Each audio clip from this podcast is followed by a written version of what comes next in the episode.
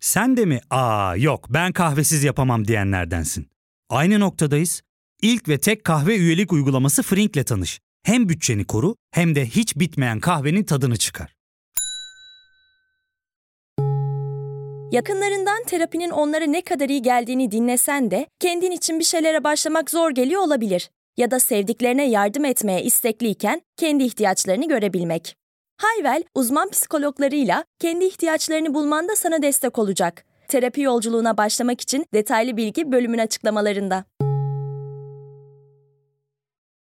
Türkiye Barolar Birliği seçimleri 5 Aralık'ta yapıldı. Sonuç 2013'ten bu yana genel başkan olan 8,5 yıllık Metin Feyzioğlu dönemi geride kaldı. Bundan yıllar önce başkanlığının ilk dönemlerinde CHP liderliği için hatta Cumhurbaşkanlığı için adı geçen muhalif kesimlerin kahramanı Metin Feyzioğlu baro seçimini Erinç Sağkan'a karşı kaybetti. Olay muhalif kesimlerde bir zafer coşkusu yarattı. Trend Topi'nin 89. bölümünde bu coşkunun sebebine odaklanacağız ve Metin Feyzioğlu örneği üzerinden bir siyasi kariyerin nasıl yönetilemediğini konuşacağız. Ben Ozan Gündoğdu. Hazırsanız başlayalım.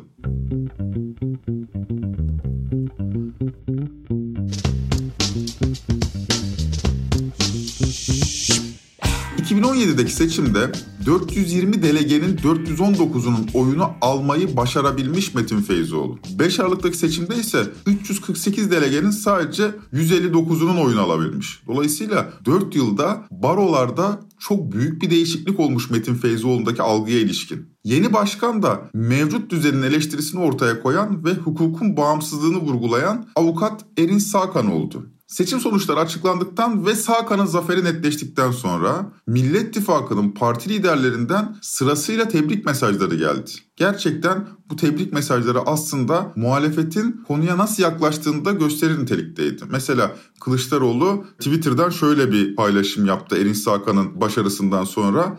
Hukukun egemenliğini birlikte tesis edeceğimiz, ülkemizde görevinizi hiçbir baskı altında kalmadan yerine getireceğiniz günler yakındır diye yazdı. Meral Akşener de Ali Babacan da tarafsız ve bağımsız yargı vurgularına benzer mesajlar paylaştı. Tabii bu tebriklerin elbette bir sebebi var.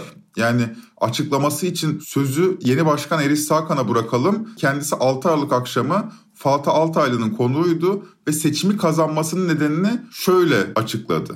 Türkiye bir anayasa değişikliğiyle işte Cumhurbaşkanlığı hükümet sistemi adı altında bir sistemle yönetilmeye başlandı ve tek bir kişinin eline çok sayıda yetkinin verildiği, işte bir gecede İstanbul Sözleşmesi'nden e, ki hani uluslararası bir sözleşme olarak temel hak ve özgürlükleri düzenlemesi anlamında normal hiyerarşisinde en üstte bulunması gereken bir sözleşmeden dahi e, tek bir kişinin iradesiyle çıkılabildiğinin göstergesi olan bir e, sistemde e, yargının gerekli denetim fonksiyonunu yerine getiremediği bir süreci yaşadık. Türkiye Barolar Birliği de maalesef geçtiğimiz dönemde tek bir kişinin iradesiyle örneğin 12 baronun yasadaki şartı yerine getirdikleri halde 10 tane baronun e, olağanüstü genel kurul istemesi halinde yasaya göre zorunlu olarak olağanüstü genel kurula gitmesi gereken halde hayır ben gitmiyorum diyerek tamamen hukuksuz kararlara imza atabildi. Meslektaşlarını ötekileştirici, kendisini eleştiren meslektaşlarını suçlayıcı, neredeyse terörize edici bir dil kullandı önceki dönem başkanı. Ve bu anlamda bizler aslına bakarsanız mikro ölçekte Türkiye'nin içerisinde bulunduğu sistemin bir simülasyonunu kendi meslek örgütümüz içerisinde yaşamaya başladık. Ve Sayın Feyzioğlu'nun geçtiğimiz dönemdeki özellikle yargı eliyle meşrulaştırılan hukuksuzluklara sahip çıkması, bunlara karşı bir duruş sergilememesi iktidarın çok yanında konumlanması olarak herkes Öyle tarafından Allah. algılandı. O nedenle gelinen süreçte Sayın Başkan'ın kaybetmesi de e, bu anlamda sizin az önce ifade ettiğiniz gibi işte büyükşehir belediyelerindeki bir seçim zaferi gibi kamuoyu tarafından yorumlandı ve böyle ortaya konuluyor diye düşünüyorum. Sakan seçilmesinin nedenini Türkiye Barolar Birliği'nin bir ufak Türkiye simülasyonuna evrilmiş olmasına bağlıyor. Arkasında bulduğu desteğin Barolar Birliği'nin hukuksuzluklar karşısında sessiz kalmasından rahatsız avukatlardan geldiğini farkında. Yani aslında Erinç Sakan kazandıdan daha ziyade Metin Feyzoğlu kaybetti demek aslında doğru olur. Çünkü bu simülasyonun tepe noktasındaki isim herkesin malumu Metin Feyzoğlu. Sakan'a göre Metin Feyzoğlu yönetim anlayışı bakımından Cumhurbaşkanı Erdoğan'a benzeyen hatta ona öykünen bir isim. Feyzoğlu'nun son dönemlerde verdiği şu demeç hafızalardadır sanıyorum. Cumhurbaşkanı Erdoğan sizce nasıl birisi? Tayyip Bey gerçek bir insan. Plastik değil. İşte bir siyasetçi tipi vardır plastik. Yani öfkesi de, sevgisi de, duygulanması da hep rol icabıdır. Ee, Tayyip Bey gerçekten öfkeleniyor. Gerçekten gözleri doluyor. Gerçekten gülüyor, gülümsüyor. Evet. Gerçek. Bence çok önemli bir özellik bu bir siyasetçi için. Daha doğrusu e, hangi makamda e, olursanız olun gerçek olmak güzel bir şey, doğru bir şey. Ne demişti? Gerçek bir lider Tayyip Bey demişti. Feyzoğlu son dönemde Cumhurbaşkanı Erdoğan'ı gerçekten yere göre sığdıramıyor. Ama ama böyle değildi Feyzoğlu değil mi? Feyzoğlu'nun Erdoğan ile ilişkisinin tarihi o yüzden oldukça garip. Bu bölümün konusu da zaten bir miktar bu tarih olacak. Aslında en popüler olduğu dönemde, Feyzoğlu'nun en popüler olduğu dönemde durum hiç de bugünkü gibi değildi. Ve Türkiye Barolar Birliği Erinç Sakan'ın bugün onu eleştirdiği noktaya öyle birdenbire gelmedi. Google Trends'e göre Metin Feyzoğlu adının en çok Google'landığı ay 2014'ün Mayıs ayı. Resmen ülke gündemini o ay domine etmiş durumda Feyzoğlu. Yani ne olmuş olabilir? Şöyle bir hafızamızı yoklayalım. Ne olmuştu o dönemde? Tarih 11 Mayıs 2014. 10 Ağustos'ta yapılacak Cumhurbaşkanlığı seçimine sadece 3 ay var. Danıştay törenindeyiz. Cumhurbaşkanlığı seçimi sürecinin 76 milyonun Cumhurbaşkanını seçtiği e kızmayın Sayın Başbakan. Güzel bir şey. Güzel bir şey söylüyorum Sayın Başbakan. Neyi yanlış söyledim Sayın Başbakan? Burada çok yapıcı bir konuşma. Efendim edepsizlik yapan ben değilim Sayın Başbakan. 76 milyonun Nerede? 76 milyonun cumhurbaşkanını seçiyoruz. Bu cumhurbaşkanımızın huzur içerisinde 76 milyonu kucaklamasını öneriyorum. Seçim sürecinin bu sürece uygun yürümesini arzu ediyorum ve bir kısmı da belki burada olan adayların birbirini kucaklayarak güzel bir seçim dönemi yaşamasını diliyorum. Ben edepsizlik yapmadım. Kimseye de edepsizlik yapıyorsun demeyi kendime yakıştırmam Sayın Başbakan. Lütfen. Lütfen. Hatırladınız mı? Danıştay töreninde konuşan Barolar Birliği Başkanı Metin Feyzoğlu en ön sırada oturan dönemin başbakanı Tayyip Erdoğan'ın asabını fena halde bozmuş durumda. O kadar ki Erdoğan dayanamamış, kürsüye bağırmaya başlamış. Aslında hep anlatıla gelen o Erdoğan'ın meşhur öfkesi ilk kez kameralara yansımış durumda. Erdoğan'ı Cumhurbaşkanı Abdullah Gül telkin etmekte, sakinleştirmekte zorlanıyor. Görüntü bu, çarpıcı. Bu konuşma yapılırken henüz CHP ve MHP'nin Cumhurbaşkanı adayı olacak isim belli değil. Yani seçimlere, Cumhurbaşkanlığı seçimlerine 3 ay var. Ekmelettin İhsanoğlu kimdir diye sorulsa memlekette henüz onu tanıyan biri çıkmaz. Ama Metin Feyzoğlu öyle değil muhalif kitlelerin gönlünde taht kurmuş bir isim. Muhalif medyada Feyzoğlu'na izah muhtaç bir ilgi alaka var. Mesela Yılmaz Özdil 2014'ün ilk günlerinde Hürriyet'te adam başlıklı bir yazı yazıyor. Feyzoğlu'nu yere göğe sığdıramıyor. Mesela onun için şöyle diyor. Büyük adam olmaya özenen zihniyet cücelerin ülkesinde adam gibi adam kalmayı başaran adam diyor Yılmaz Özdil. Bu arada aç parantez Özdil'in Adam isminde bir kitabı da var ama o kitapta Atatürk'ü anlatıyor. Özdil belli ki adam sıfatını çok seviyor. Kapa parantez. 2014 Feyzoğlu için altın yıl. Malum Cumhurbaşkanlığı seçimlerinin yapıldığı yıldan bahsediyoruz. O yıldan beri zaten Tayyip Erdoğan Cumhurbaşkanı olarak ülkeyi yönetiyor. Sözcü gazetesine 12 Ocak 2014'te verdiği röportajda gazeteci Cumhurbaşkanlığı meselesini de soruyor Feyzoğlu'na. Feyzoğlu iddialı, değme siyasetçilere taş çıkartacak şu cevabı veriyor. Böyle bir yakıştırma bana ancak gurur verir. Bunun ötesinde spekülatif bir açıklama yapmanın da anlamı yok. Zaman ne getirir, ne getirir, hangi kapıları açar, millet beni nerede görmek ister? Bunları hep zaman içinde göreceğiz. Ama size çok net olarak söyleyebileceğim bir şey var. Bir balıkçı kasabasına gidip günlerimi sükunet içinde balık avlayarak geçirmeye hiç niyetim yok. Evet ne diyor? Bir balıkçı kasabasına gidip günlerimi sükunet içinde balık avlayarak geçirmeye hiç niyetim yok. İşte Feyzoğlu'nu anlamak isteyenler için anahtar cümle. Feyzoğlu gerçekten hedefleri olan, kariyer hırsı olan önemli bir siyasetçi idi. Hatırlatalım bu röportajlar ayarlanırken, tırnak içinde ayarlanırken diyorum, Cumhurbaşkanlığı seçimleri de kapıda. Feyzoğlu'nun da adaylıkta gözü olduğu yukarıdaki cümlelerden belli. Şimdi biraz ileri saralım. Başkanlık sisteminin oylandığı 16 Nisan 2017 referandumu hatırlıyorsunuz. Ülke gerçekten evetçiler ve hayırcılar diye ikiye bölünmüştü. O referandumdan önce Feyzoğlu il il gezip katıldığı panellerde herkesi hayır demeye çağırmış, üstelik çok da sert eleştiriler yöneltmişti iktidara karşı. Ya fark ettin mi? Biz en çok kahveye para harcıyoruz. Yok abi, bundan sonra günde bir. Aa, sen Frink kullanmıyor musun? Nasıl yani? Yani kahvenden kısmına gerek yok. Frink'e üye olursan aylık sadece 1200 TL'ye istediğin çeşit kahveyi istediğin kadar içebilirsin. Günlük 40 TL'ye sınırsız kahve mi yani? Çok iyiymiş. Aynen. Hatta şu anda 200 TL'lik bir indirim kodu da var. E hadi hemen indirip üye ol da bu fırsatı kaçırma. Terapiye başlamak, içinden çıkamadığın döngüleri kırmak, bazı yanlış bulduğun kararlarını değiştirmek ve kendinle beraber daha huzurlu bir yaşam inşa etmek için atabileceğin en değerli adımlardan biri. Hayvel ile yoğun yaşam tempona uyum sağlayarak online terapi seanslarını takvimine göre ayarlayabilirsin. Bini aşkın uzmandan sana en uygun terapisti seçebilir, podb10 koduyla indirimden yararlanabilirsin. Detaylı bilgi açıklamalardaki bağlantıda. Bu yetkiler bir faniye verilmez diyeceksiniz.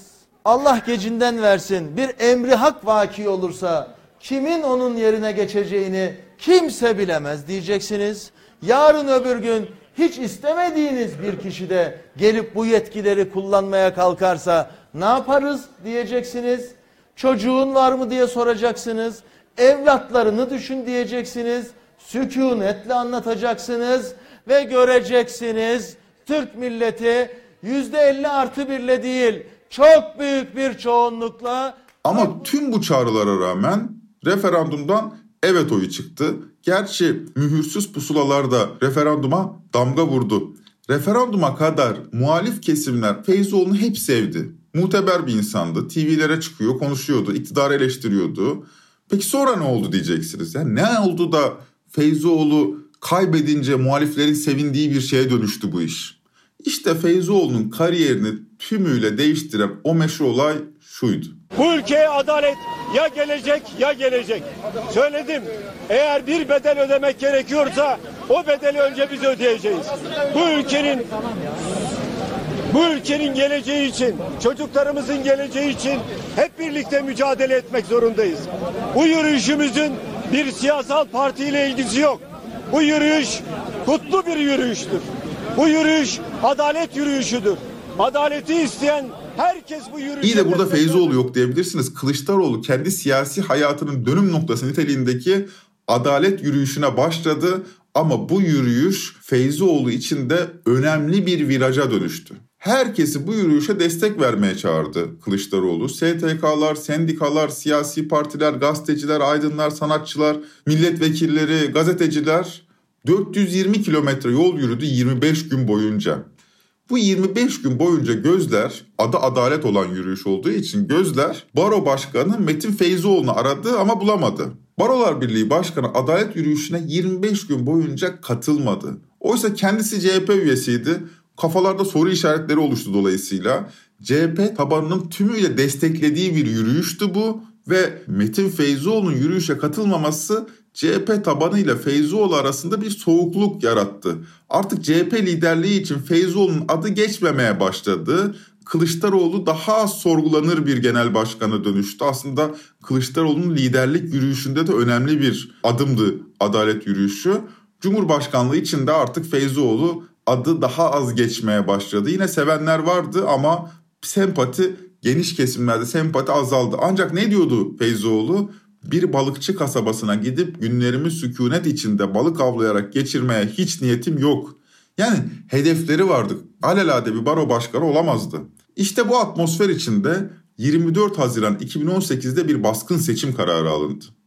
Feyzoğlu adalet yürüyüşünden sonra CHP mahallesinde soğuk karşılanan bir isim olduğundan Cumhurbaşkanlığı için bu sefer adı dahi konuşulmadı. Artık CHP kapısı Feyzoğlu için kapanmış görünüyordu. Ancak kendisinin de hedefleri vardı. Ankara Hukuk Dekanlığı yapmış daha önce.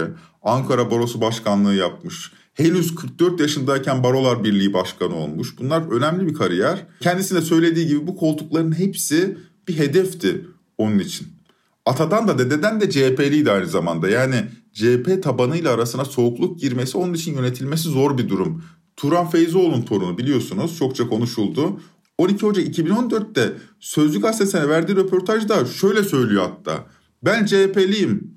Bunu da hiçbir zaman gizlemedim. Atadan da dededen de CHP'li olduğum için bu adeta benim üzerimde bir marka diyor Feyzoğlu.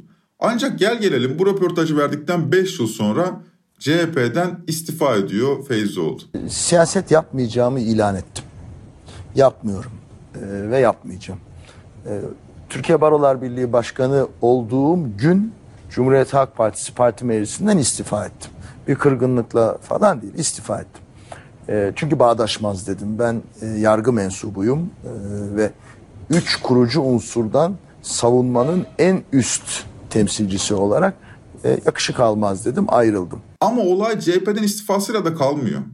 Artık Feyzoğlu'nu aktif biçimde Cumhurbaşkanı desteklerken görmeye başlıyoruz. Mesela Erdoğan yargı reformu eylem planını anlatıyor. Feyzoğlu salonda abartılı biçimde kahkahalarla alkışlıyor.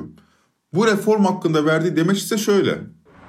Efendim Sayın Cumhurbaşkanı tarafından açıklandı yargı reform strateji belgesi. Çok sayıda başlık var. Öncelikli olarak avukatları ilgilendiren düzenlemeler var. Sizin de görüşmeniz olmuştu Sayın Cumhurbaşkanı'yla. Evet.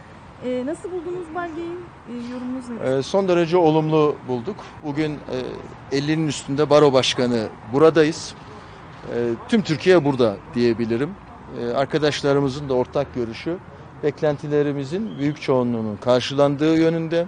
E, kalanlar da elbette süreç içerisinde e, olacaktır.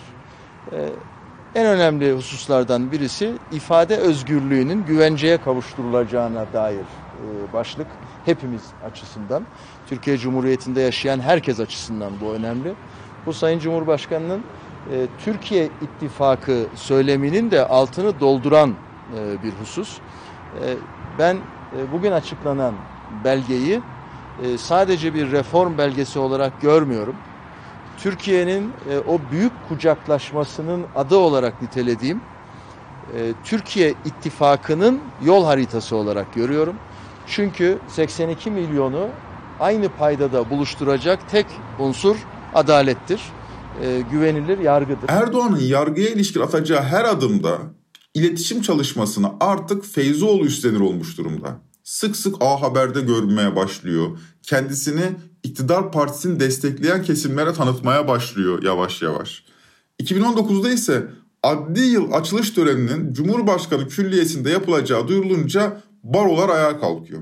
Çünkü tüm yargı mensupları yürütmenin merkezine niye çağrılsın? Böyle bir törene itiraz ediyorlar. Barolara göre bu yargı bağımsızlığını zedeleyen bir tavır. Zaten o zamana kadar buna benzer etkinliklere Feyzoğlu da gitmemiş. Zaten Feyzoğlu da referandum öncesi şöyle diyordu. Yani 2017 referandum öncesinde şöyle söylüyordu. Meclisi cebine koydu anayasa değişikliği. Bu cebede hakimler girecek. Nasıl biliyor musunuz? Hakimler Savcılar Kurulu diye bir kurul var. 13 üyesi var. Görevi şu. Özet özet özet. Hakimleri işe alır, hakimleri işten atar. Görevi bu. Bu kurulun 13 üyesinin 6'sını devlet başkanı şapkasıyla Beştepe'de atayacak devlet başkanı. 6 üyeyi atadıktan sonra şapkasını vestiyere verecek. Çağıracak otomobillerini bin tane önden 1800 tane arkadan zıt, meclise gidecekler. Mecliste parti genel başkanı şapkasını takacak. Kalan 7 üyeyi de iktidar partisinin başına geçip mecliste kendi seçtirecek. E şimdi bu hakimlerin iktidar partisi genel başkanından bağımsız karar vermesi mümkün mü? Yani ben seni hakim atayım, sen benim dediğimin dışında bir karar ver. İhtimal yok. Şimdi 2017'de yargı bağımsızlığını bu şekilde savunan Feyzioğlu 2 yıl sonra baroların itirazlarına rağmen Cumhurbaşkanlığı Külliyesi'ne bütün yargı organlarıyla beraber gitti. Neden katıldığını da daha sonra A Haber'de şöyle açıkladı. Türkiye'nin normalleşmesi lazım. Bu normalleşmeye biz nasıl katkıda bulunabiliriz? Adli yıl açılış törenine katılarak etkili bir şekilde katkıda bulunabiliriz noktasında çok değerli Yargıtay Başkanımızla fikir birliğine vardık. Dinleyici olarak değil, ben geçen sene de davet edildim. Dinleyici olacaksam gelmem dedim. Çünkü bir gelenek vardı, kaldırılmıştı. Ee, ondan önce de davet edilmiştik. Dinleyici olacaksak gelmem dedim. Niye e, dinleyici olacağımız bir yere gelelim? Ortada e, onlarca yılın geleneği dururken. Ve konuşma yapmak üzere davet edildiğimizde e tamam dedik. Konuşma yapacağız ve bu Türkiye'nin normalleşmesine katkıda bulunacak. Normalleşelim diyor Feyzoğlu. Bu esnada muhalefet cephesi 31 Mart 2019'daki yerel seçimlerden zaferle çıkmış. Bir coşku var. Coşku hakim orada. Ankara İstanbul belediyeleri muhalefete geçmiş. Parlamenter demokrasiye geçiş çalışmaları yapılmaya başlamış. Fakat Feyzoğlu bu hikayenin hiçbir yerinde yok ve normalleşelim diyor. Yani hala hazırda bu rejimin e, değişikliklerini kabullenelim ve normalleşelim. Bu olay üzerine barolar tabii ayaklanıyor. Yani bu açıklamalar üzerine, Feyzoğlu'nun bu tavrı üzerine ve bu tavır Feyzoğlu ile barolar arasında gerginlik yaratıyor. Ama hiçbir gerginlik Boğaziçi üniversitelerinde teamüllere aykırı şekilde dışarıdan rektör atanmasının ardından yaşanan öğrenci yürüyüşlerinde polis müdahalesi kadar tepki yaratmıyor. Boğaziçi öğrencileri sokaklara dökülüyor, akademisyenler basınçlamaları yapıyor ve Boğaziçi direnişine dönük polis şiddeti içlerinde İstanbul, İzmir, Ankara'nın da olduğu 35 baro tarafından yazılı bir açıklamayla kınanıyor. Metin Feyzoğlu'dan herhangi bir ses çıkmıyor. Polis Türkiye'nin çeşitli yerlerinden Ankara'ya yürüyen baro başkanları ve avukatların şehre girişine izin vermedi. Bunun üzerine baro başkanları ve avukatlar Ankara girişinde oturma eylemi yaptı. Avukatlar ve baro başkanları hem iktidarı hem de Barolar Birliği Başkanı Metin Feyzioğlu'nu Türkiye'de hukukun üstünlüğüne zarar vermekle suçladı. İpler artık kopmuş durumda. Bu koşullar altında barolar aralarında imza toplayıp Barolar Birliği'nde olağanüstü seçim yapma kararı alıyor. Ancak pandemi koşulları gerekçe gösterilerek genel kurullar erteleniyor. İstanbul Baro Başkanı Mehmet Durakoğlu, Metin Feyzioğlu'nun baroları sırtından hançerlediğini katıldığı haberler.com'un YouTube yayınında 10 Nisan 2021'de şu şekilde anlatıyor. Baroların temel işlevselliği olan hukuk devletini e, korumak, hukukun üstünlüğünü savunmak, e, insan hakları ihlallerine karşı çıkmak iktidar dili kullanarak yapılan bir şey değil. E, dolayısıyla bunu o zaman işlevini yerine getiremeyecek hale gelmiş oluyorsun. Önemli olan nokta bu. E, biz orada Türkiye Barolar Birliği'nin demokratik anlamda e, ya da işte bir hukuk devleti anlamında yaptığımız mücadelede kaybettiğimizi düşünüyorum. Yani bu da e, Barolar Birliği'nin kurumsal kimliğini bir tarafa koyuyorum. Evet. Onun çok değerli olduğunu düşünüyorum ama Metin Feyzioğlu tarafından arkadan vurulduğumuzu düşünüyorum. Yani çok çarpıcı. Aynen tabii tabii. Ee, yani ciddi anlamda e, bir hançerlendiğimizi düşünüyorum. Bunun bilerek ve iradi olarak yapıldığına da eminim. Anlayacağınız Türkiye Barolar Birliği hukuk ihlallerine karşı almadığı tavrıyla baro başkanlarının güvenini tümüyle kaybetmişti. Eski başkan Metin Feyzoğlu da aynı şekilde.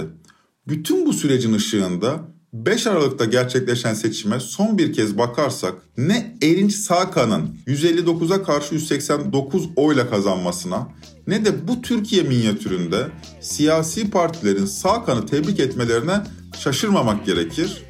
89. bölümünde sonuna geldik. Tren Topi'yi Podbi Medya ile birlikte hazırlıyoruz.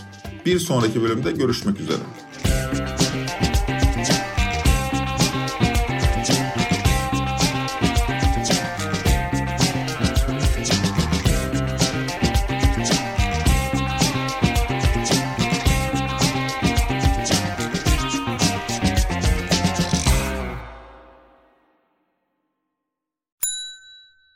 İlk ve tek kahve üyelik uygulaması Frink, 46 ildeki 500'den fazla noktada seni bekliyor. Açıklamadaki kodu girerek sana özel 200 TL'lik indirimden faydalanmayı unutma.